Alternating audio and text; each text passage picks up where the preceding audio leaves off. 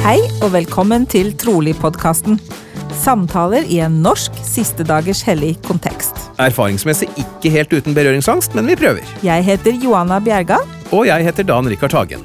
Her i Trolig-podkasten snakker vi med hverandre og med gjestene våre om deres trosreiser og tvilsreiser og andre temaer vi er opptatt av. Målet vårt med denne podkasten er å skape et rom med takhøyde og plass til alle. Fordi alles historie fortjener å bli hørt, og fordi vi mener at det er mer enn én måte å være en siste dagers hellig på. Vi minner om at det som deles her er våre og våre gjesters personlige erfaringer og meninger. Og at podkasten ikke er i regi av Jesu Kristi kirke av Siste dagers hellige. Men for ordens skyld, både Dan Rikard og jeg er aktive troende medlemmer av kirken, og podkasten vil reflektere det. Da kjører vi ny episode.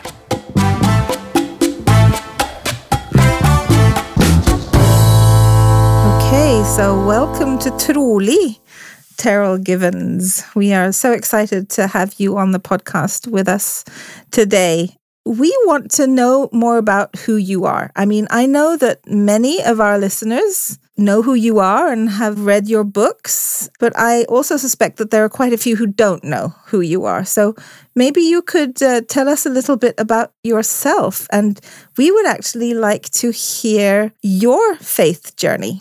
And uh, maybe you could share with us your background and what you have been doing these last few decades and, and how that came to be. Okay, that's a big ask. Um, I uh, I've always loved being a student. I was studying comparative literature as an undergraduate at Brigham Young University. Uh, then I grew very much interested in the history of ideas. And so I went to Cornell to do a PhD in intellectual history. Um, I did coursework there, then changed my mind and wanted to go back to literature. So I went to North Carolina at Chapel Hill. And so that's where I received my graduate degrees. And so I began my career teaching 19th century literature and cultural studies. Uh, but it was always just an excuse for me to get at the history of ideas. Um, I've always uh, been more of a generalist than a specialist. I'm interested in the big questions, the big ideas, and trying to understand uh, movements that cross culture, cross place and time. Um, and so I never intended to get into what we now call Mormon studies. Uh, it was more by accident, but I did a, a book on representations of Latter day Saints in the 19th century and 19th century fiction novels and mass media. And uh, that ended up being my first book that I did with Oxford University Press.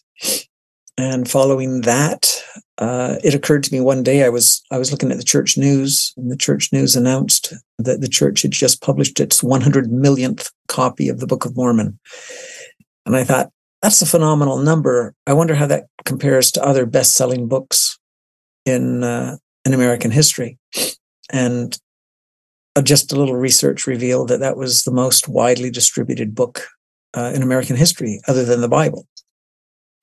And so that led me to write a second book, which was a history of the Book of Mormon, of its reception, its impact, its effect on American religion and American culture. And so by that time, I was I was off and running. So I guess I I um, unwittingly had become a, a, scholar of Mormon studies. And so for the next uh, ten or fifteen years, uh, I spent most of my time researching and writing books about Latter day Saint theology, Latter day Saint culture, Latter day Saint scripture, mostly for a non Mormon academic audience. And it wasn't until 2012, 2012 that uh, Deseret Book asked if my wife and I would write a book for the general public. And so we wrote our first book together in 2012, which was called The God Who Weeps. And it was an attempt to convey what we thought were the most beautiful and uh, what we call radically resonant uh, themes in the restoration to a non Mormon audience. It turned out that it was actually mostly Latter day Saints who bought and read the book. And it set in motion uh, a series of events culminating in my wife and I, and ending up, we founded a, we created a foundation um, in which we used donations to fund our travel wherever we were asked to come and speak in the church uh, about, especially, or to members who were having faith questions, faith struggles, wrestles. They felt marginalized, uh, wrestling through their doubts. And so, again, we just kind of fell into that opportunity. And so we ended up doing several tours of Europe. We've been to over 20 countries in Europe, speaking to Latter day Saints, as well as countless states here. And in the last few years, uh, I've come to the feeling that for too long we've been talking as Mormons to other Mormons. And I would like to see more uh, occasions on which we are speaking as Christians to other Christians. And so I have shifted my audience and I have shifted my my focus now to try to deal with broader questions of Christian history and what Latter-day Saints have to contribute to contemporary conversations about the crisis in Christianity, the rise of disaffection, the loss of belief, and where Christianity might go in the future.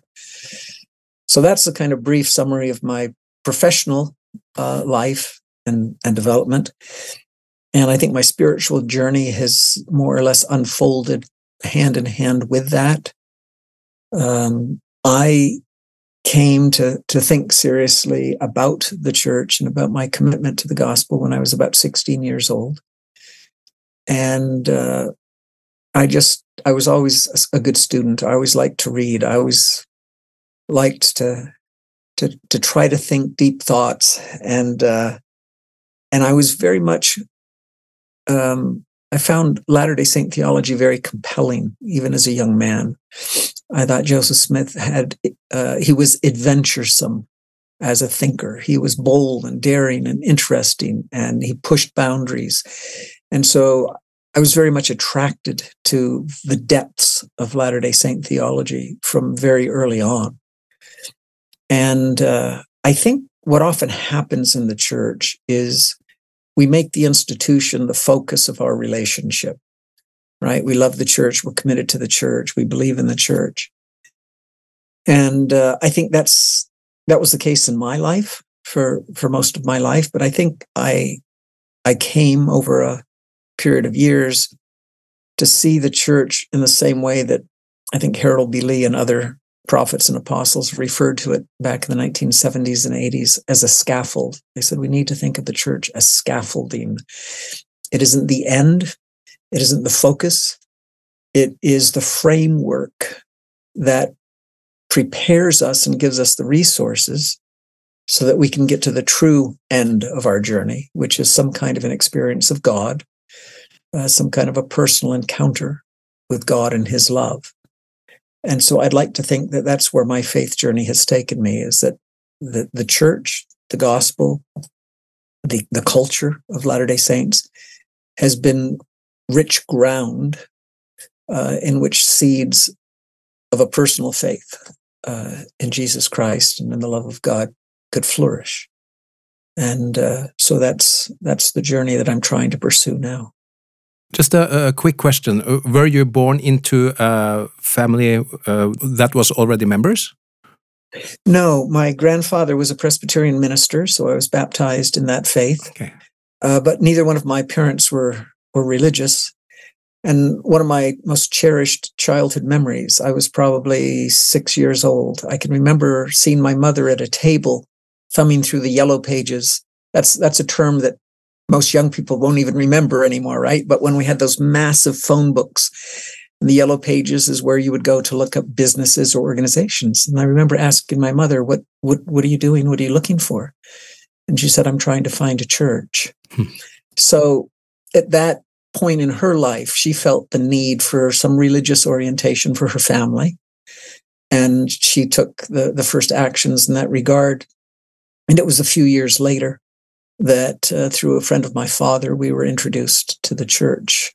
So I was I was nine when my family joined the church, uh, but we were one of those many many families that join and then drift away. Hmm. And so we went for a few years and uh, and then didn't attend. And then when I was 16, we moved across the country Uh, my father had no job. It was a kind of Lehi experience. Uh, eight children. He set up a tent in a camping ground, and that's where we lived. Wow. While my father went and looked for work, he just he felt drawn or moved or something to to move our family back to the East Coast, and uh, and so we looked up the church and that area. I think mostly then from a position of of need, uh, and it was at it was at that in that era that I really Wow. threw myself into it. That's quite a story. Yeah, I can say like Lehi, my family lived in a tent. And, uh, it wasn't a very happy place to be if you're a 16 year old in America living in a campground, wondering what on earth your parents are thinking Mm. of. And with, uh, you know, being one of eight children, and Dan has eight children, and I'm the oldest of eight. So we have this in common. That's interesting. Uh, I have a question. Uh, I um, I noticed something you said earlier. Uh, you said um, that you were looking at how the Book of Mormon how it influenced the American Christianity, right? Can you just give us a few uh, takes on that? Well, I think one thing that it did is it reflected, um, as the critics were quick to say, Alexander Campbell wrote the first criticism of the Book of Mormon, and he said, Well, this is very suspicious because it happens to be addressing every controversy that's at the forefront of American conversations today about religion. You know, infant baptism and uh, the the nature of uh, salvation and um, whether or not God has closed the canon. Hmm. And so I think that it helped to foreground um, the question of personal revelation and the the question of agency as well came into it because Joseph Smith describes how his main conflict of heart was between the Presbyterians and the Methodists. And the real conflict in that case was whether we do have free will or whether we are predestined. So it reflected the book of mormon reflected in many ways right? These high stakes debates between the calvinists and the the arminians as they were called um, it it created tremendous outrage on the part of countless people who hadn't even read it. And this, to me, was one of the most interesting reactions to the Book of Mormon. Time and again, I, I could find uh, editorials and sermons from the 1840s in which they would say, This is outrageous. This is a bunch of balderdash. This is. And then they would admit, We've never seen a copy. We've never actually read the Book of Mormon.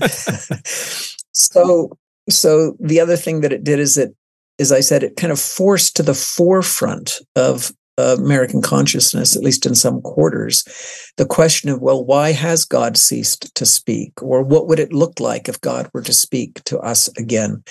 And uh, of course, there were many, many other groups in America at that time who were looking for some kind of an indication that God was going to prepare for the second coming, and they expected some kind of dramatic event. So it was interesting how the Book of Mormon fit into many of these expectations of 19th century Americans. Very interesting. We actually have crowdsourced questions a little bit from uh, our listeners and some of our former guests. And we promise it's it's not CES letter style. These are real questions from from uh, friends, from fans. um, uh, and and one of those questions, Dan, could you take that one? Yep. Uh, it's not so long ago that uh, Elder Cook actually visited Norway, and uh, he then talked about the problem of evil, and he said that that's what drives most people away from religion in general and Christianity in particular. So, so, so the question is: Does the restoration convincingly address the problem of evil, in your opinion? And if so, how? I, I think it addresses it in the only way that makes any kind of compelling sense. Um, and here's why.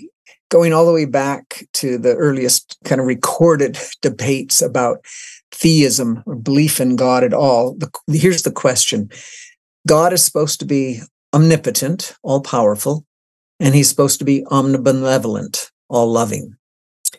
There's suffering and evil in the world, so either he isn't all powerful or he isn't all loving.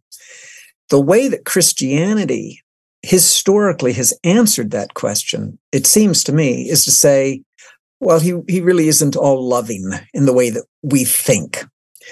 And so you have theologian after theologian in the early church saying, well, God's love doesn't look like our love, and his justice doesn't look like our justice. And I think that's why people are unsatisfied. They're saying, no, I don't buy that. Mm. If God loves us, it has to be the same kind of love I feel. And the kind of love that I experience is love that wants the thriving of the other person. And I will suffer with that other person. But the church has also said, no, God is impassible. He's outside of, of being moved by our feelings. And that's what's being rejected. Latter day Saints are almost alone in answering it the other way and saying, oh no, God is perfectly loving, but he isn't perfectly powerful in the way that we thought. He can't create a world in which we have choice, but there is no pain. Hmm. Because given agency, we will do things to each other. We will harm each other. We will ache and wound. And um, in addition, God cannot give us perfection or salvation. It has to be a process by which we are transformed into a godly person. That requires pain. That requires suffering. And so I think our answer is plausible and reasonable and a far better answer than most other systems have provided. Thank you. I agree. Yeah. uh, last year, you wrote the book, uh, Let's Talk About Faith and Intellect as part of the Let's Talk About series that the church owned Deseret Book is publishing. I've seen a few of the titles, you know, Let's Talk About Race and the Priesthood and Let's Talk About Polygamy. And I get the impression that they are an effort by the church to offer an expanded version of the gospel topics essays. Is that a fair assumption? I think it is. I think it is a fair assumption. Um, I was fortunate enough to be able to to work uh, as a consultant with the historical department at the time those gospel topic essays uh, were being written and produced. Uh, I was involved in, in that project. Uh, I thought it was a, a true watershed moment in the church because many of us uh, going all the way back to Gene England in the 1980s, had been saying, look, there's a looming faith crisis around the corner. There's a, a growing conflict between the way we have told our story and what we actually find in the archives.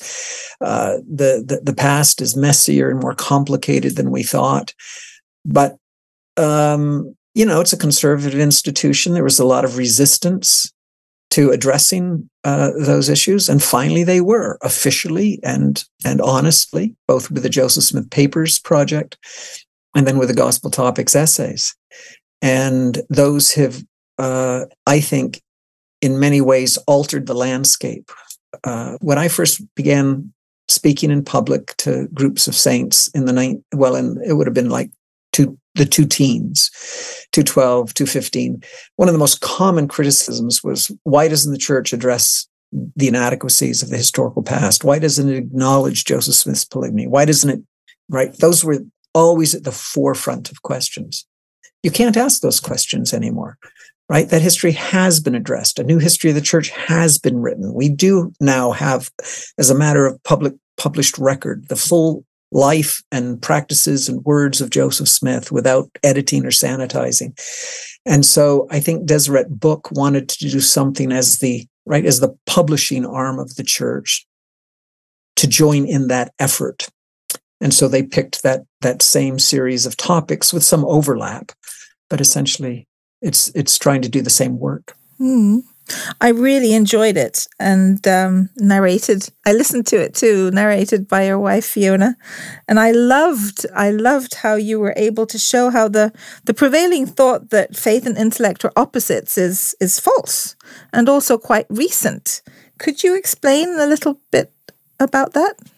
Yeah, well, the the so-called war between science and religion does not go back very far. It goes back really to the late 19th century, and it was popularized by a couple of people in this country, uh, like the president of Cornell. Uh, it's uh, I can't remember his first name. White. Um, there was what happens is we often in the American imagination we get science and technology very much confused, and we make all kinds of uh, claims that are out of proportion to to reality what's happening is at the tail end of the industrial revolution right um, technology has wrought miracles for the human race, right? We've invented vaccines and medicines and and um, air conditioning and refri- you know, and so there is this sense uh, among some zealots that science is going to solve all of humanity's problems. And religion belongs to a darker, blighted age. And so, if you can set these two up as oppositional, then you create a false either or sense of a, of a choice. And it turns out that in actual fact, most of the great accomplishments in human history were not performed by scientists in laboratories. They were performed by curious individuals from a variety of fields and disciplines who were working under inspiration or um, revelation or just creative impulses. And so you just, you can't single out the religious and the scientific impulse uh, or accomplishments in that kind of simplistic way. It's also the case historically that it is Christianity that has sponsored the great universities, that founded educational systems, uh, that has emphasized from its beginning that reason is the greatest gift that God has given to the human race. And so uh, it's it's actually about 180 degrees wrong to say that religion and science are in conflict uh, when they can often be so mutually supporting.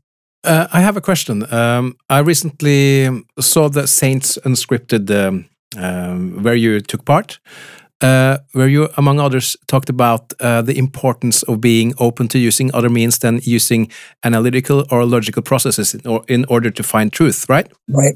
If I should describe myself uh, as a member of the church, I, I kind of lean towards being, um, yeah, relying much on the feelings, which I interpret to be the Holy Ghost. Uh, so I wholeheartedly agree with you. But I've seen several antis often trying to degrade feelings or promptings, if you may, to, to being able to lead us astray. Yeah. If you see what I mean. Yeah. Uh, what are your thoughts on that? Well, those people need to to read more in the field of philosophy and cognitive psychology, because um, we we now know as a matter of uh, of just neuroscience uh, that certain kinds of brain injuries, for example, if if they um, incapacitate you emotionally, if you if you and, and this has happened in many cases. You injure the, the, the frontal cortex in certain ways, famous case of Phineas Young, right, that a rod went through that part of his brain. Suddenly, everybody around him said he, he can't feel emotion anymore. He's not responsive to love. It turns out that neither can you be an effective actor within your own frame of reference. You can't act decisively. You can't make decisions. Your ability to make judgments is impaired. So there's an interconnectivity neurologically of what we refer to as affect or the emotional side and the analytical side. And so we know that these are integrated. We also know, philosophically speaking, for example, David Hume, right, who said the, the reason is and ought to be the slave of the passions. Now, here you have one of the most famous empiricist philosophers in history recognizing that every important decision we make is made on the basis of passion, of emotion, right? Whether to exterminate a people, whether to beat a child, whether to abuse a spouse, right? Those are all moral crimes that are only constrained by our moral sense, not by any kind of cost benefit analysis or analytical process. So, the most important interactions we have as human beings are always emotionally grounded. And it's just absurd to, to want to inhabit a universe of kind of cybernetic analytical machines uh, divested of those qualities that make us most human. Hmm. Uh, a follow up question then, in regards to me and Joanna. Joanna is the reader of us. I don't read that much, as I probably should. Uh, so, uh, by many, I guess I would probably be called naive because I just believe, if you know what I mean, and I'm, and I'm, I'm happy with that. Yeah. So, my question is what is your view on being mm, happy where you're at? Instead of seeking more knowledge. Uh, again, since you're talking about analytical skills, I mean, you have to gather information in order to use analytical skills. Yeah.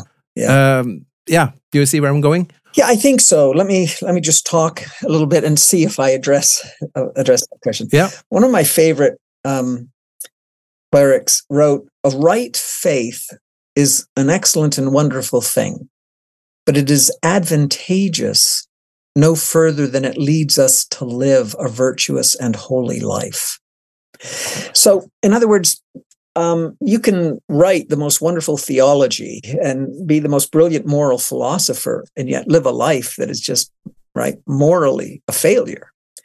And yet there has to be some connection between how we understand god and how we act. Uh, you know we history is full of very very concrete examples of this uh, in the middle ages right the christian church burnt people at the stake and they did so, arguing that that was consistent with God's love. And that was a demonstration of their love for the eternal salvation of that, of that individual. So clearly, there's a direct, explicit connection between what kind of a God we're worshiping, right? If it's Moloch, then we're going to sacrifice babies to him. And so President Uchtdorf pointed this out when he was in the presidency. He said there has to be a connection between theology and action, between what we believe and how we act. So even if one isn't a, a scholar or an academic or a theologian, one still has to formulate right a picture of the god one is worshiping and so it seems to me that it's very important that we be reflective that we ask ourselves if the restoration is true what is it telling me about the nature of god that should make me a better christian that should make me um, uh, a better human being and i think uh, I think those connections are easy to draw as well. You know, we believe, for example, in a God who wants to save the entire human family. Well, that makes it impossible to be a racist or a nationalist, and right.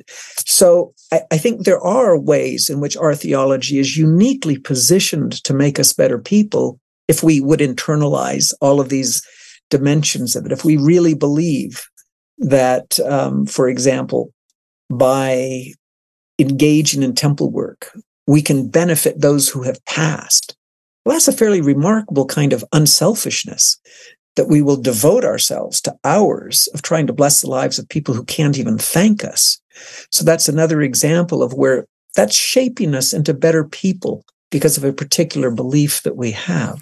So, if I understand you correctly, uh, would you then say that um, if your emotions brings you towards being beco becoming a better person, then it's okay. Well, generally, yes. I mean, the proof is in the pudding, right? Jesus said, you know, the way you'll know my you're my disciples is the way you know you love each other.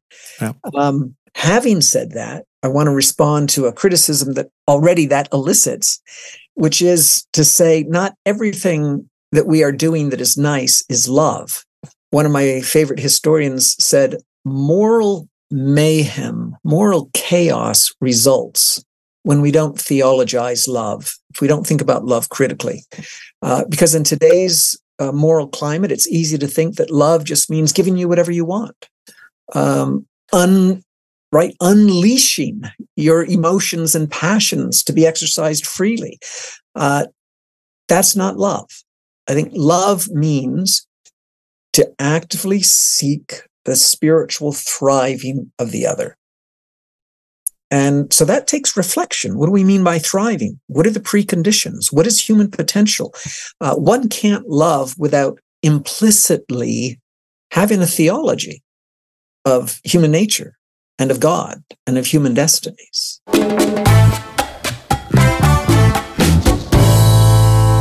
You already mentioned uh, that we do, uh, of course, baptism for the dead in the temple. Uh, you have to tell us about the story uh, when you were interviewed on the Philadelphia radio station, please. okay.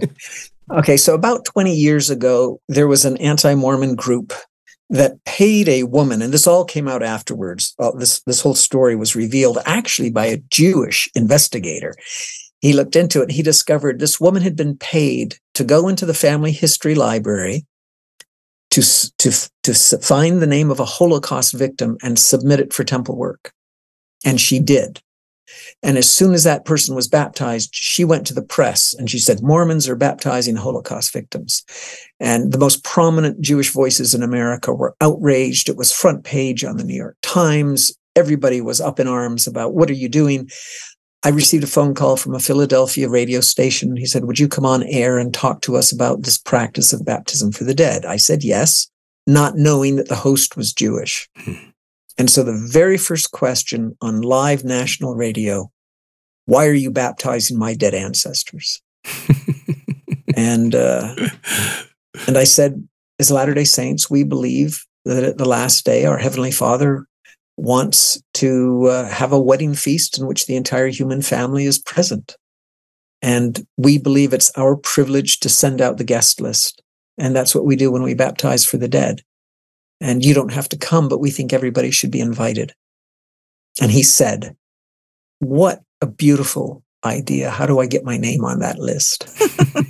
and uh, so so clearly he was he was joking in part but he also was responding to this incredible vision of a church that wants to save the entire human family mm, exactly uh, unprecedented uh, just a remarkable thing beautiful story thank you yeah and that brings me to another question so I, maybe i think i'll take this one first and that is we have the theology on our side but sometimes culturally in the church, we get it wrong, right?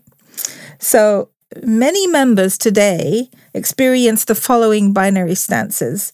One, God has set a certain standard, and if we don't comply, we won't make it to the celestial kingdom.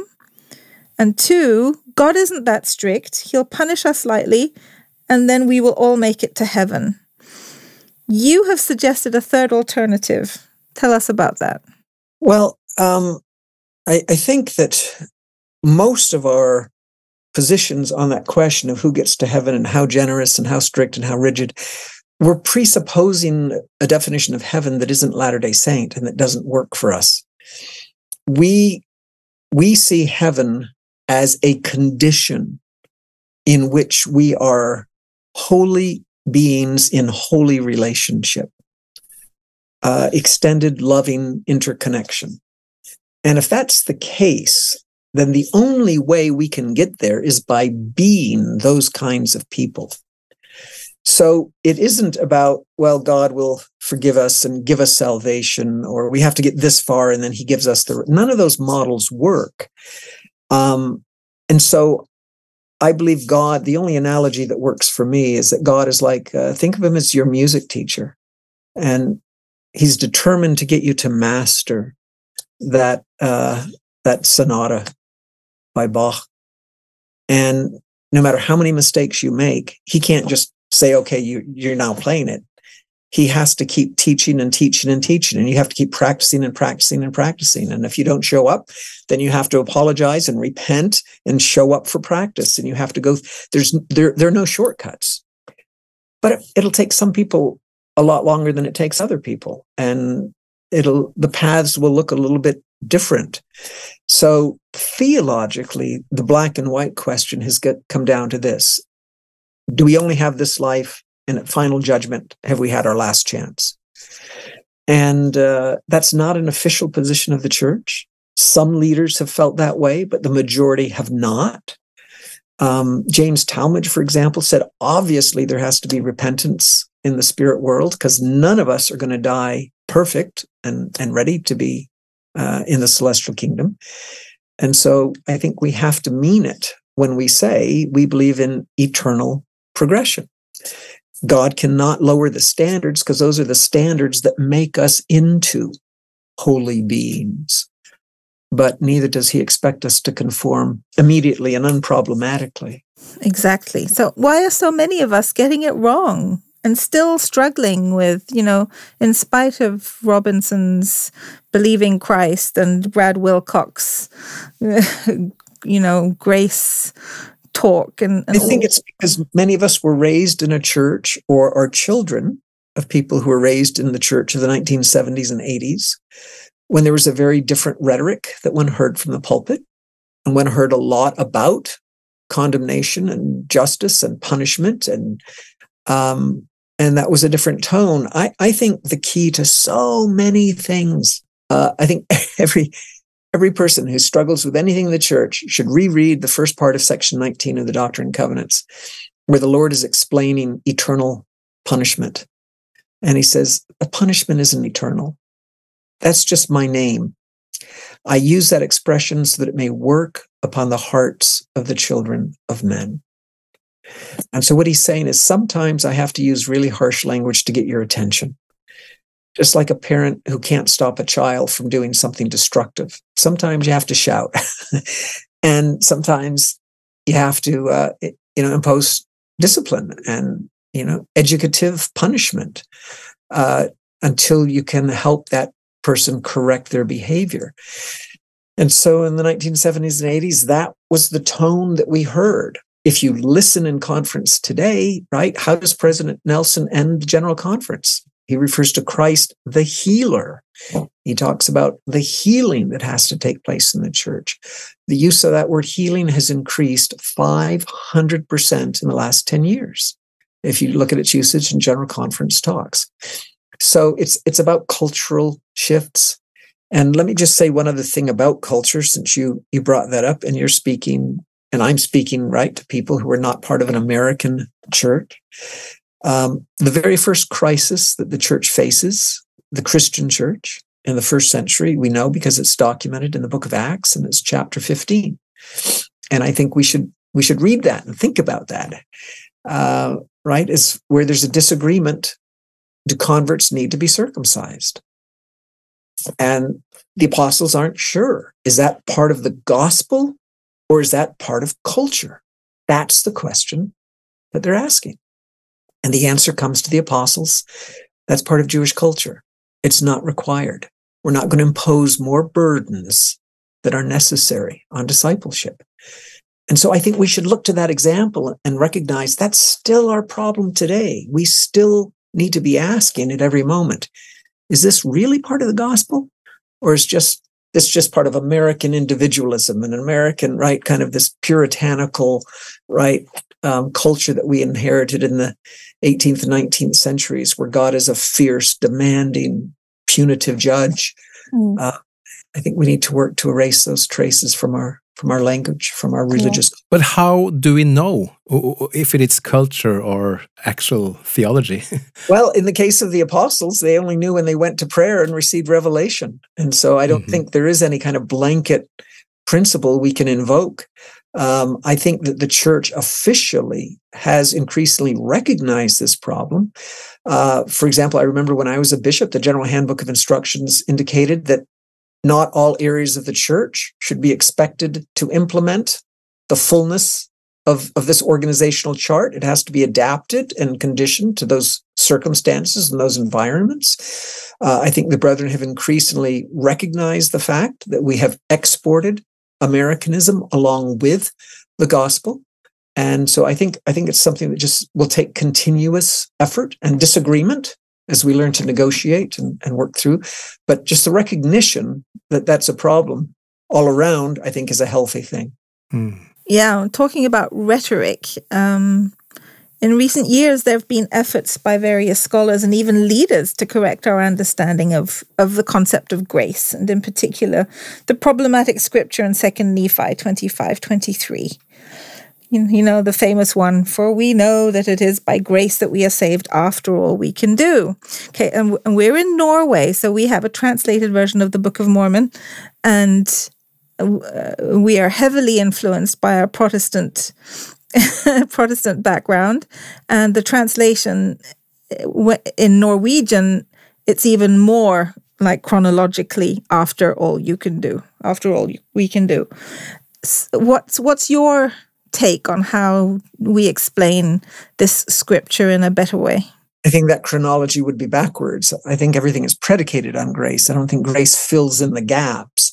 Uh, here's the thing we don't realize when we use a word the history and the baggage it has for other people. And grace, especially, its definition changes in the fifth century with Augustine and then it changes again in the 16th century with Calvin and Luther. In, in the beginning, grace was universally taught as God giving us the capacity to engage in this plan of progress.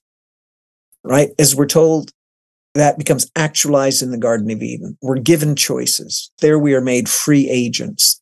The grace of Christ is the entirety of the backdrop. I mean, grace simply means, right? It's a Greek word that simply means kindness, a gifted kindness. So the Protestants have endowed it with all of this theological weight and this deep metaphysical significance. No, it simply means that Christ didn't have to make himself the mediator through whom salvation could be administered. He, Christ and God didn't have to put themselves through what they're going through to suffer along with us throughout this entire process. Um, so there isn't any magical thing that they can give to us. In fact, grace, the, the, the, definition by the Protestants is very, it's very technical, it's very exact. Grace is imputed righteousness. And what that means is that at some point, God puts into us the righteousness we need to be saved. Luther and Calvin are very explicit about this. I will never be righteous. I'm always a sinner, but God considers me righteous. He imputes righteousness to me. And James Talmage said, that is a sinister doctrine. That's pretty strong language from an mm. apostle writing an official uh, textbook on Latter day Saint doctrine. Mm-hmm. And what he means is uh, section 88. Uh, I hope it's okay if I, I quote a scripture here that I think is, is tremendously important in this regard.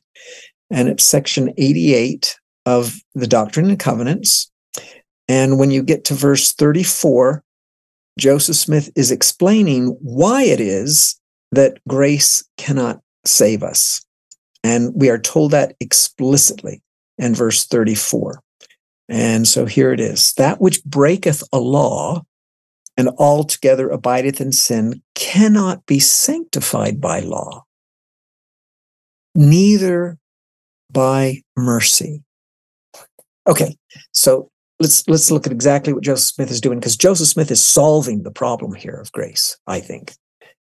He is saying that if you want to be, let's say you want to be a uh, a chaste person, well, you can't go around having indiscriminate relations and breaking your marriage vows. And God can't just say, that's okay. I declare you chaste. No, the only way you can be chaste is to practice chasteness, right? The only way you can be compassionate is to practice compassion. So God isn't rewarding us for being obedient, but the law sanctifies us by training us how to be holy. And God can't just say, Oh, I've forgiven you. Now you're holy. Grace can't do that. Grace is the process by which Christ atones and allows us to repent and to change our behavior. So in that sense, we're we're saved by grace after all we can do. But it's grace that is the precondition for all of that. So if we understand it in a Protestant way, we're just we're, we're completely ignoring the whole Latter Day Saint re- restoration framework. Yeah, yeah, absolutely. Um, a lot of the attacks on the church are based on obvious mistakes or wrongdoings or wrong sayings by church prophets and apostles. And often, Doctrine and Covenants 138 is um, referred to, you know, whether by mine own voice or by the voice of my servants, it is the same, uh, as kind of proof that everything our leaders say is as if it was God who was speaking.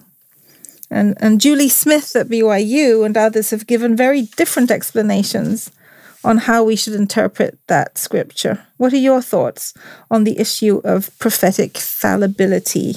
I, I think it's hard. You know, we're, we're just really good at proof texting, which means we're really bad at proof texting. Uh, if we read things singly and out of context by themselves, we could create all kinds of distortions. One has to look at the Doctrine and Covenants as a whole, and it's clear that one of the main uh, themes in the Book of Mormon is Joseph Smith's fallibility, the fact that he makes mistakes. Right? He's chastised for losing the manuscript. He's chastised for his willfulness. He's chastised because he's been negligent in keeping the commandments. In section 124, God tells him, I chose you to show what I could do with the weak things of the earth. Joseph Smith repeatedly would say in public, I do not want you to think I am a good man. I'm just a humble man like you doing my best. So he never made pretensions to infallibility. The church has never taught infallibility. Brigham Young said that his greatest fear or one of his great fears was that the day would come when people would just take whatever was said from the, the stand and assume that it was true without securing their own personal confirmation. Uh, Elders Christofferson and Uchtdorf have spoken about this in recent years and said clearly mistakes have been made, that there is no way around the difficult work of knowing personally by our connection to the Holy Spirit and receiving confirmation.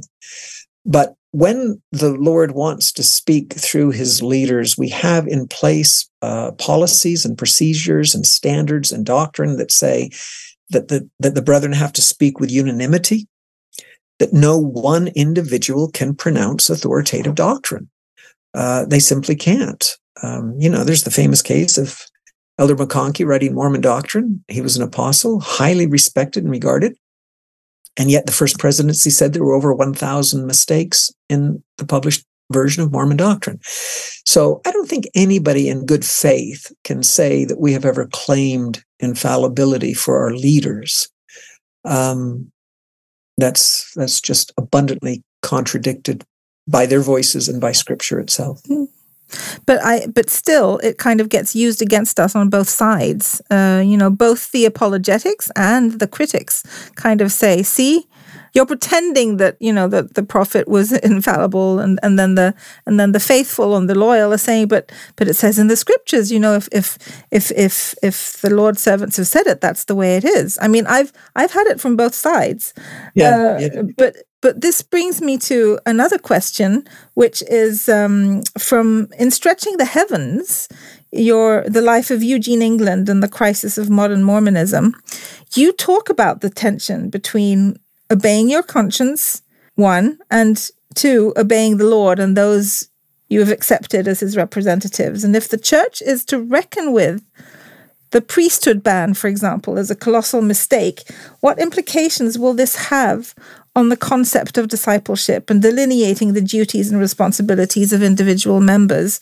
Do we need to rethink the faithful contributions of like Orson Pratt, who spoke up against the ban, and B. Brown, who tried to get it reversed?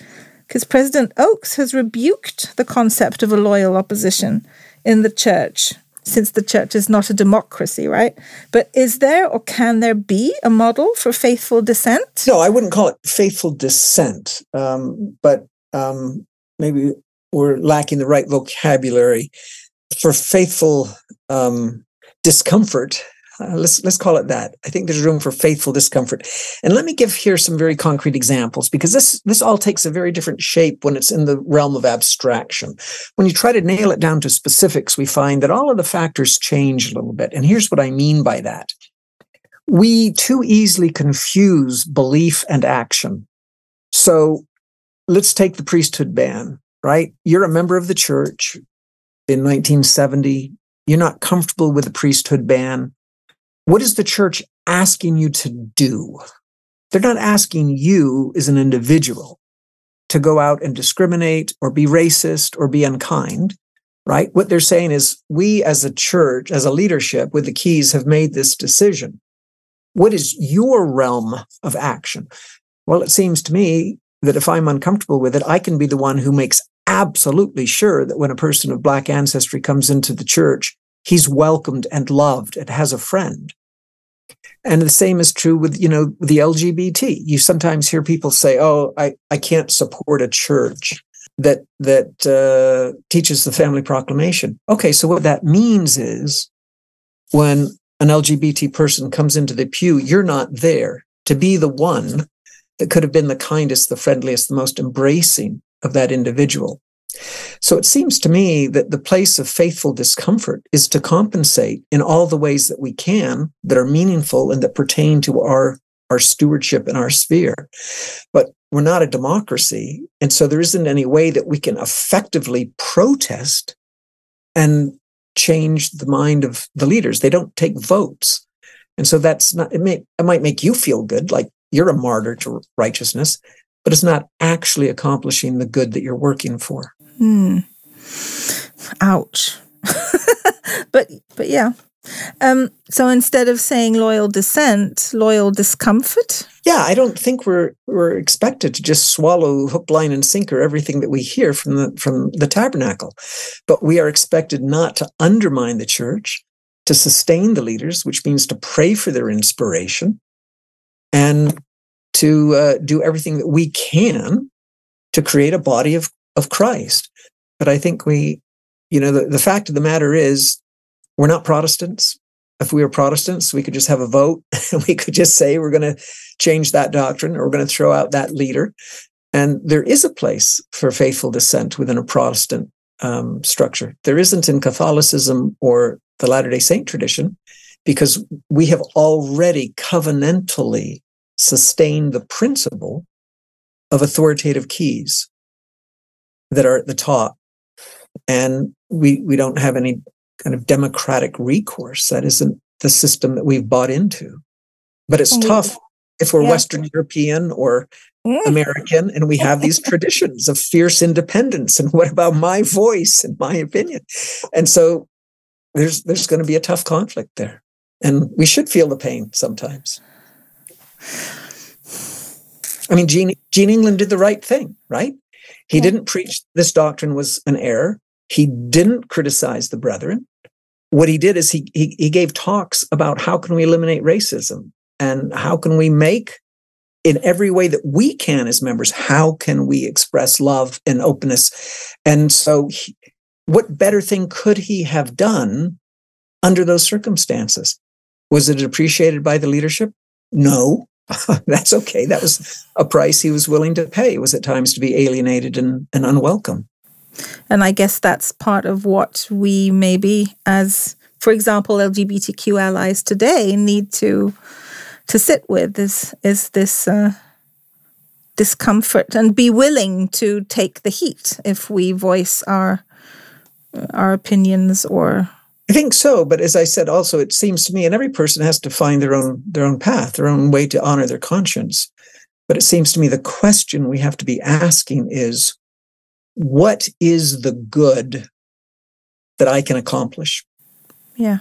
Within this sphere of influence that I have. Mm. And, you know, throwing rocks at, at, you know, the tabernacle isn't, that's not going to achieve anything except to make maybe you feel like you're a hero. What is the yeah. good we can achieve within our sphere? Makes sense. No, I want to be the person you know, I, I, I would like to have been the person that in 1978, you know, a black member would have come to me and said, "You always made me feel loved, even before the doctrine was changed. Thank you for that." That's the kind of person I want to be. Mm. Yeah. Uh, I have a question for you, Terryl. Um, you mentioned earlier that you have uh, spoken to a lot of um, people with faith crisis. Is there a typical problem you see among uh, these people? I, the the main problems keep shifting with time. Um, surprisingly, most people today wouldn't be thinking in these terms, but back around 212, 210, 212, one survey showed that the most common problem was questions about the book of Abraham. And people now say, what, what, they, you know, that's kind of just faded. And then it was polygamy and you know joseph smith's polygamy. Well that's all now been brought to the front so so that's faded. Now uh some of it is the lgbt issue but that doesn't seem to be going anywhere. And so people have either made their peace with it or left in many cases. I think one of the the burgeoning questions now is the question why do we need a church um and most young people of this generation are remarkably spiritual in the sense that they're responsive to, to the good and they want to love and they want to be inclusive. So the question that arises, why do, I, why do we need a formal church structure? And that question has never come up before because we always taught, you know, we have the authority, and authority was always important in the religious imagination un, until the modern day. And the authority, yeah, you'd, say, oh, okay, well, it's in the Bible or it's in apostolic succession, and nobody asks that question today.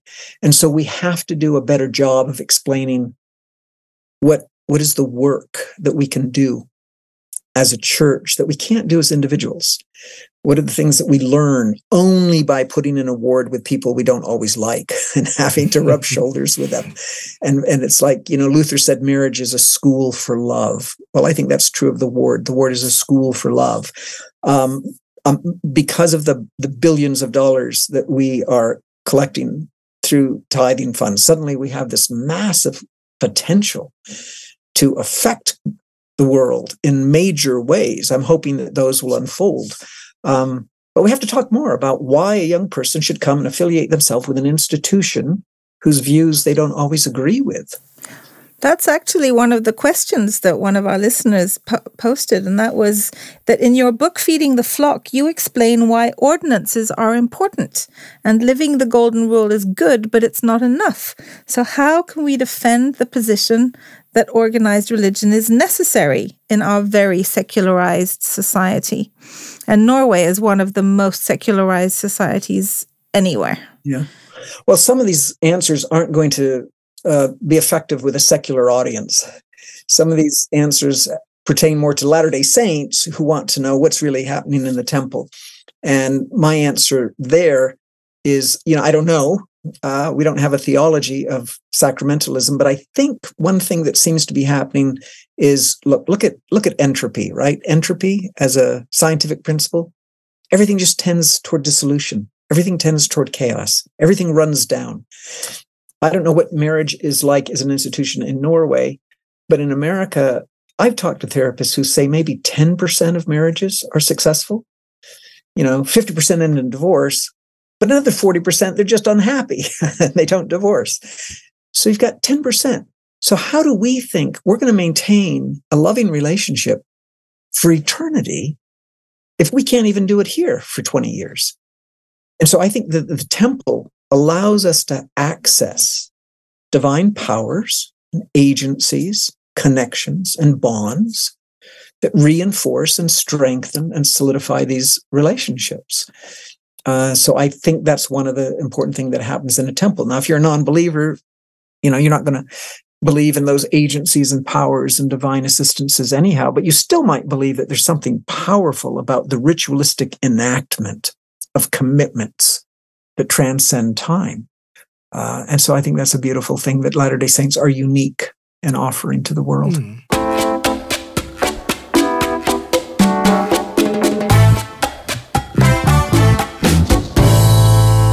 I want to go a little further about um, faith crisis. Um, as being a scholar, as you you have read everything more or less. A little bit.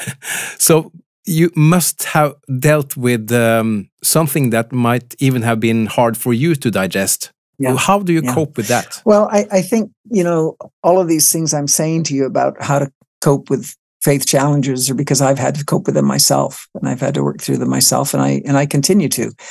Um, I think one saving scripture for me has been Doctrine and Covenant section 46, where Joseph Smith is repeating some of the Pauline gifts of the Spirit and he says, to some is given to know, and to some is given to believe.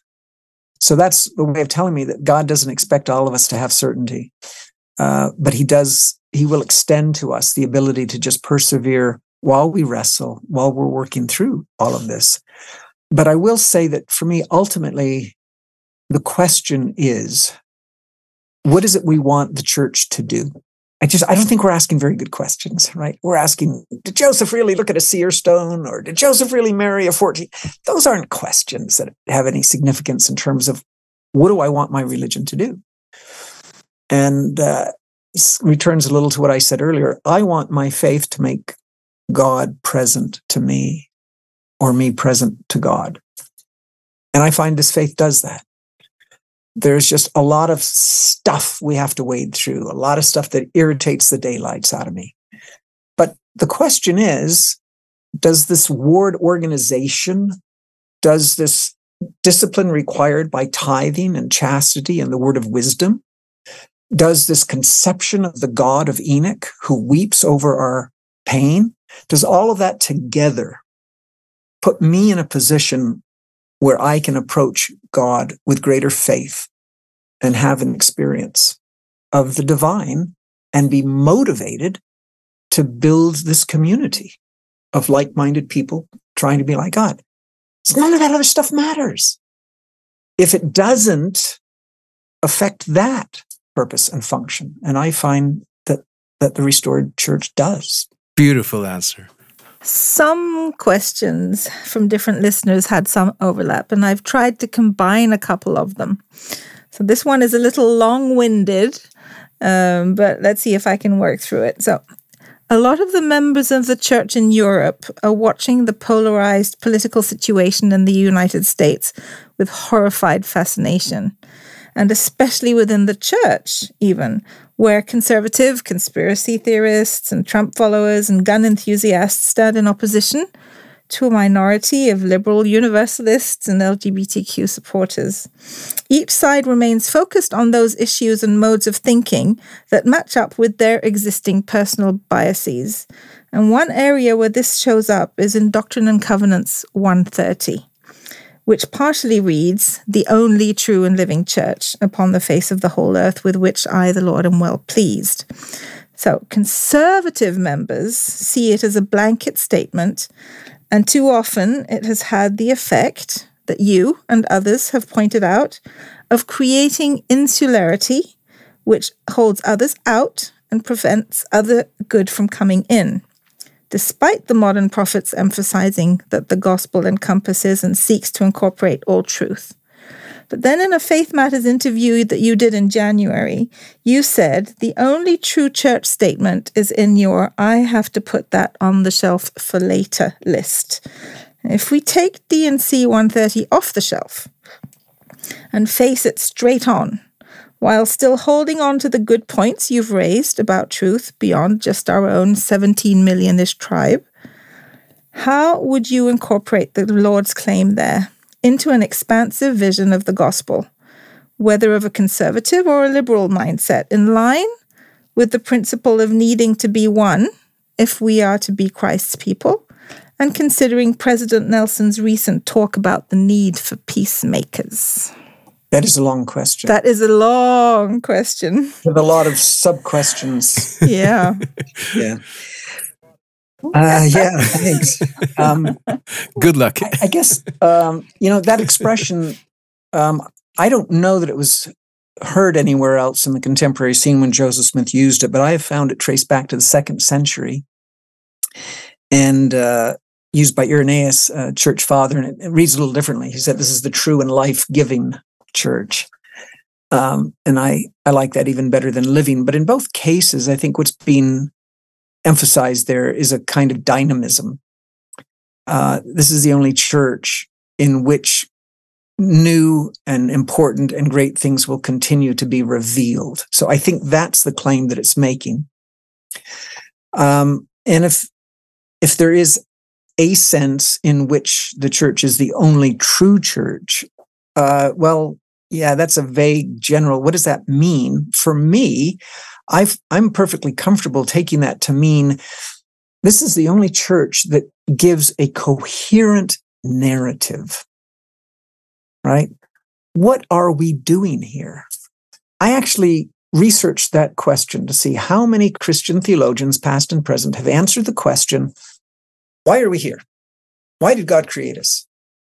And I can find from the third century to 2023 a chorus who are all saying the exact same thing. God created us for his glory.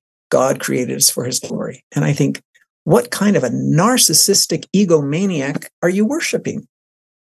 Um, we are, I can say this uh, with, with certainty, we are the only church that preaches the eternal existence of the human soul as a premortal entity that God sent into this world for the process of becoming formed into his likeness. And that if we follow the covenant path, we can achieve that end in a heavenly community. Everything else seems to me secondary to that. And this is the only institution that teaches that message. So there may be a lot of truths taught in other institutions, but the fullness of that coherent, beautiful, magnificent narrative that makes sense, that answers the most pressing questions of our existence, and that situates a loving, generous God at the heart of it. That's unique. And I'm not, I'm not going to be embarrassed to make that claim. Uh, that, that, that is unique. It is unique.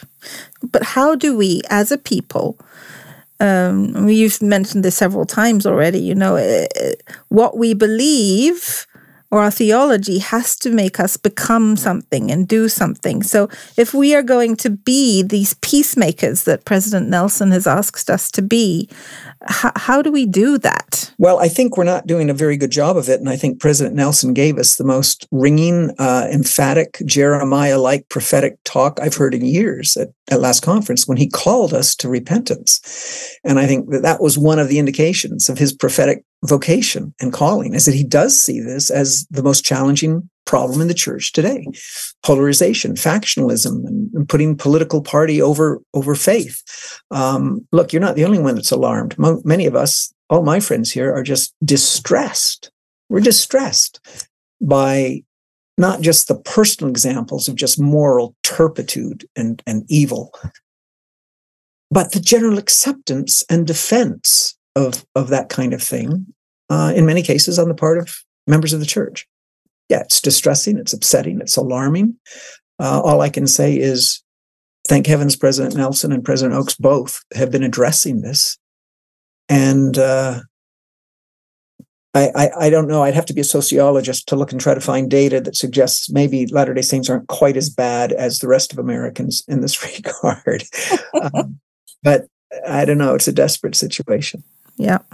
Okay, this is another question from one of our listeners. Um, it says um, the church in Norway uh, is very small, and uh, there has not been any real growth since uh, maybe the the seventies, uh, and retention is a real issue. Many, if not most, of the converts baptized disappeared shortly after baptism.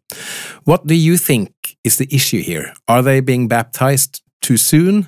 Um, without any real or deep understanding of the gospel, or is there some, uh, something else at play? Um, these less active members who populate the ward's ministering lists uh, can be a serious drain on the remaining members' uh, time and efforts. And some say that we should not worry too much about them and that it's better for them in the long run that they have been baptized and uh, received the gift of the Holy Ghost. And other claims that it would be better for them not to have been baptized because they are placing themselves under condemnation for not keeping their covenants. Uh, what do you think? Shouldn't I be asking you that question? maybe, maybe. What do I know about what's going on in Norway? I mean, in Norway, it, it, it is certainly a universal problem in the church, right? I don't know of any region of the church where they have high success in keeping new converts active. Um, so I don't know, but to the extent that I, my wife is British, we've spent a lot of time in Europe uh, we'll be spending most of this summer coming up in Europe. I feel like I've interacted a good bit with Europeans and and Latter Day Saints there, and I, I think Europeans have an extra burden in addition to those we face in America.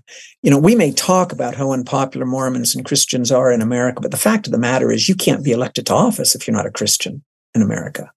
A few exceptions with the Jewish faith, but you can't be an atheist. And so there is still cultural capital that you get. That's not true in, in Europe. You don't have to be a Christian.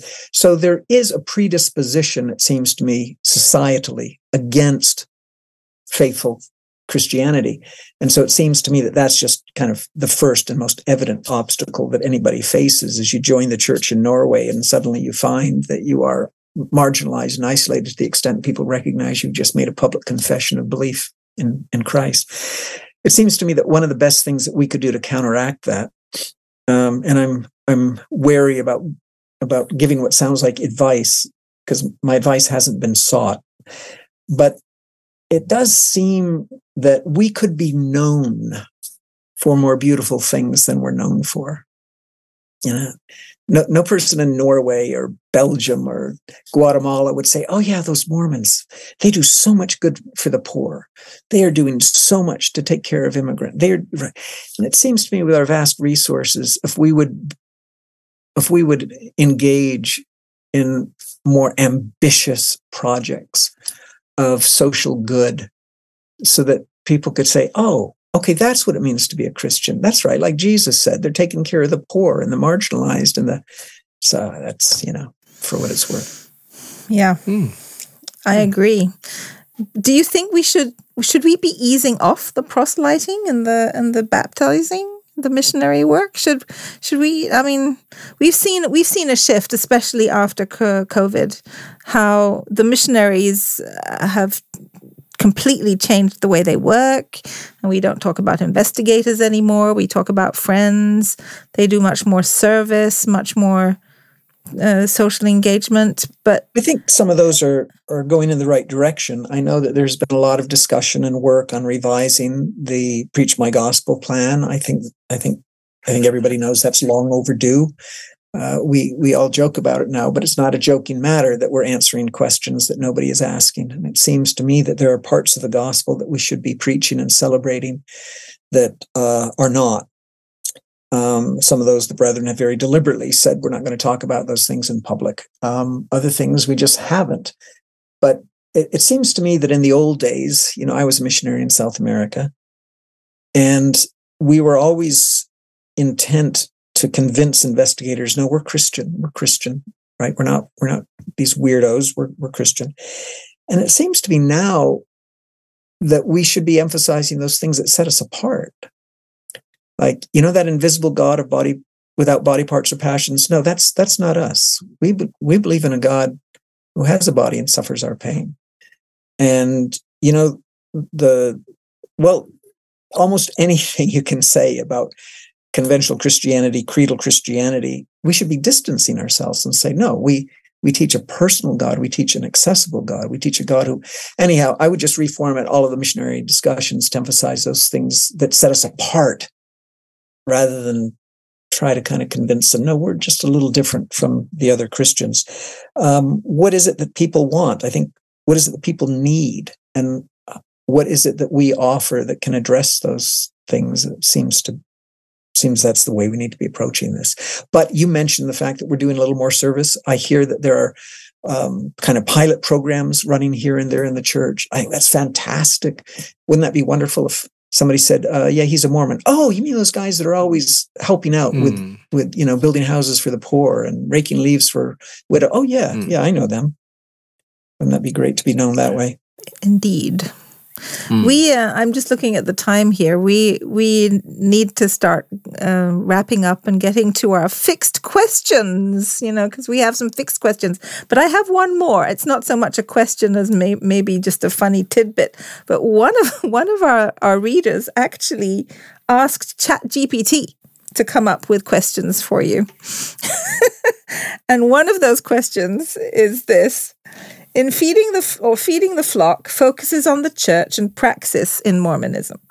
Could you highlight some key insights from the book regarding the importance of church participation and the lived experience of Mormon individuals and communities? And how does this perspective enrich our understanding of Mormon theology and its practical implications? um, okay, I'll just say I touched on this earlier, but I, will say a little bit more about this. Um, I think most people would be surprised to know that Latter day Saints are the only faith tradition. Now, there may be a few tiny exceptions I don't know about, but they are the only faith tradition that enforces the principle of attending in your parish. I mean, Catholics are organized by parish, but you can shop, you can go anywhere you want to hear a, a mass. You have to go within your ward boundaries. That's unique. And why is that so important? And I think it's like family. If you think about why do you love your brothers, and you have what, seven brothers and sisters? I'm, I'm going to assume you love them all. I'm also going to assume that some of them you wouldn't have chosen to have been a brother or sister if, if, if you were really pushed to it in a moment of honesty, right? We're put into families with people that we have nothing intrinsically in common with, yet we grow to love them, right? Which seems to me uh, to expose us to the principle that all people are worthy and deserving of love and can become receptacles of our love if we are forced to work at it. And so the church takes that principle and expands it to the ward and says, okay, they're your family. And, you know, you have to sit with this Trump supporter in high priest meeting, or, you know, you have to sit with this militant young activist. And you know what? You sit with him for six months or a year and, and you get to love that person just like he's he's he or she is family. So that is something that I think is accounts for the vibrancy of the community uh, within the church. I mean, I've had I've had just sacred experiences where I've been in dis- distant parts of the world, other continents, uh, found myself a couple of times in very distressed circumstances. Uh, walked into a ward house and uh, and just wept, knowing I'm home again, I'm safe again. There are people here that will take care of me and and aid me. That's a beautiful thing, and I think that's that's an inspired aspect of how we organize our faith. Hmm. I love that. Yeah. But subsequently, hmm, what are your thoughts as a scholar and a writer on the development of artificial intelligence, and how will that affect scholarship and the process of creative writing? Yeah.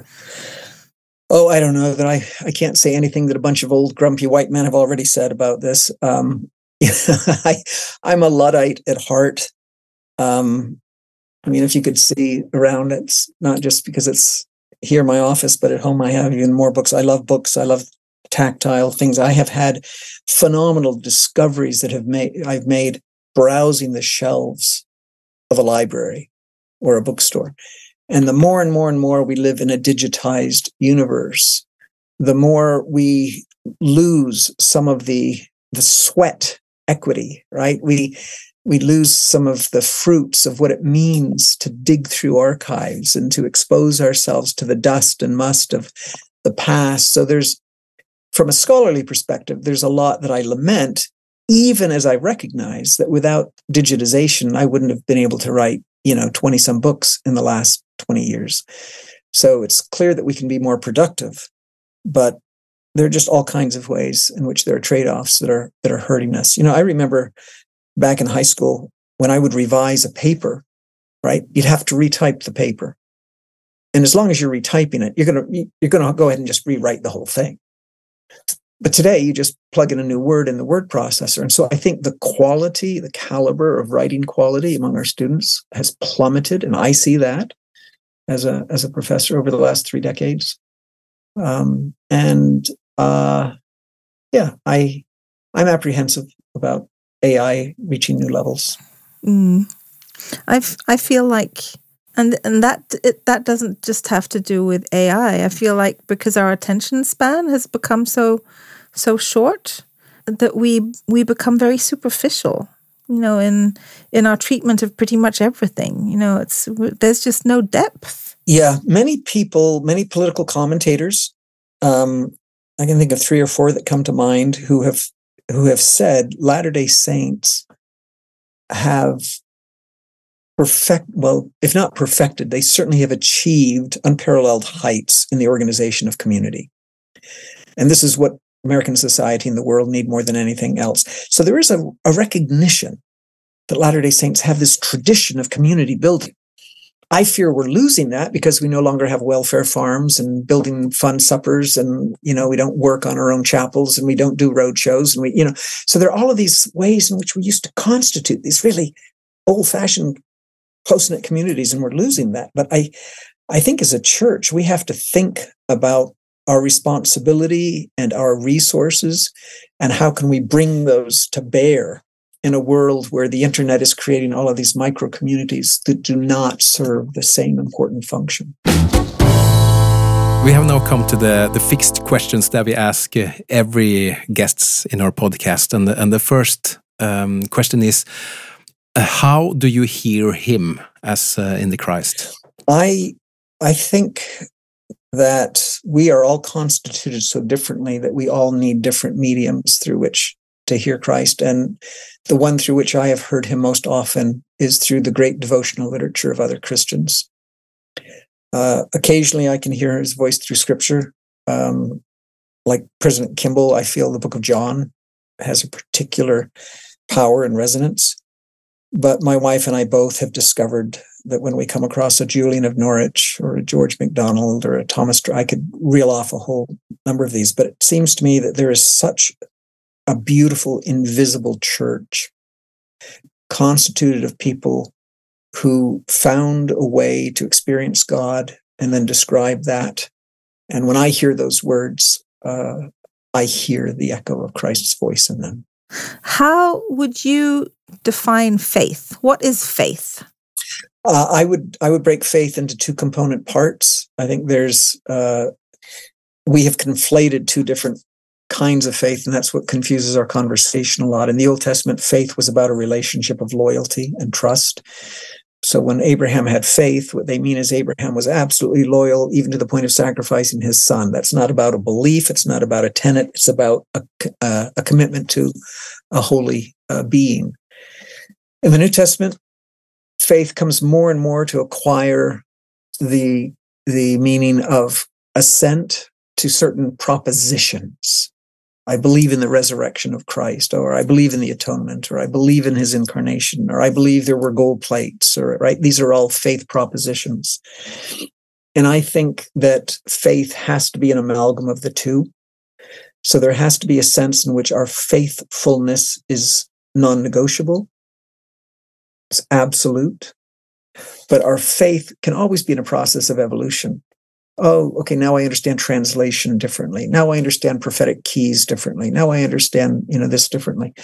Um, and if we can keep those side by side, then I think we can weather weather those faith challenges that come to us. Interesting. Uh, uh, another question we uh, ask is um, if there was anything in the church that you could uh, change, what would that be? Oh, I don't.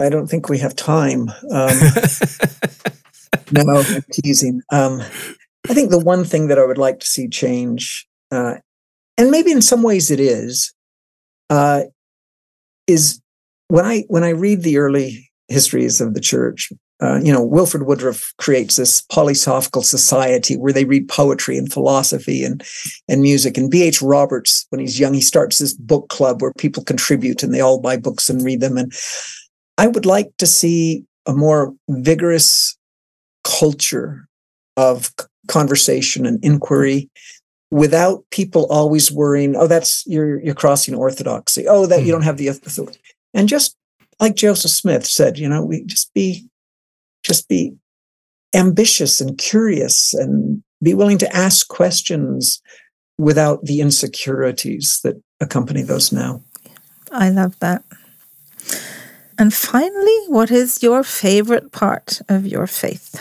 Yeah, I think my favorite part of my faith is is uh, having read Moses seven, seen it first through the eyes of my wife, who I think was the first among us to really come face to face with the meaning and impact of that vision of God that Enoch has.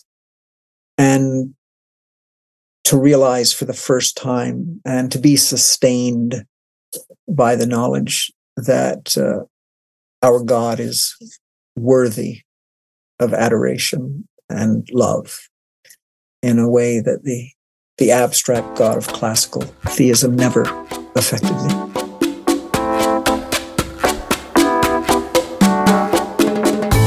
Tusen takk for at du hørte på dagens episode. Vi er snart tilbake med en ny og spennende samtale. Og for å gjøre ventetiden litt kortere, så kommer som vanlig vårt nyhetsbrev mer enn trolig i innboksen din om kort tid. Ja, Det er hvis du abonnerer på det, da, og det gjør du enkelt inne på vår Facebook-side. Ja, og i tillegg så finner du oss både på Instagram og Twitter, som oppdateres med jevne og ujevne mellomrom. Har du forslag til enten temaer eller gjester du syns vi burde snakke med? Send oss en e-post til troligpodkast med k at gmail.com. og vi blir veldig glad for skriftlige tilbakemeldinger i alle våre kanaler. Og ikke glem at dette vil også hjelpe andre å finne trolig. Takk for nå. Vi høres!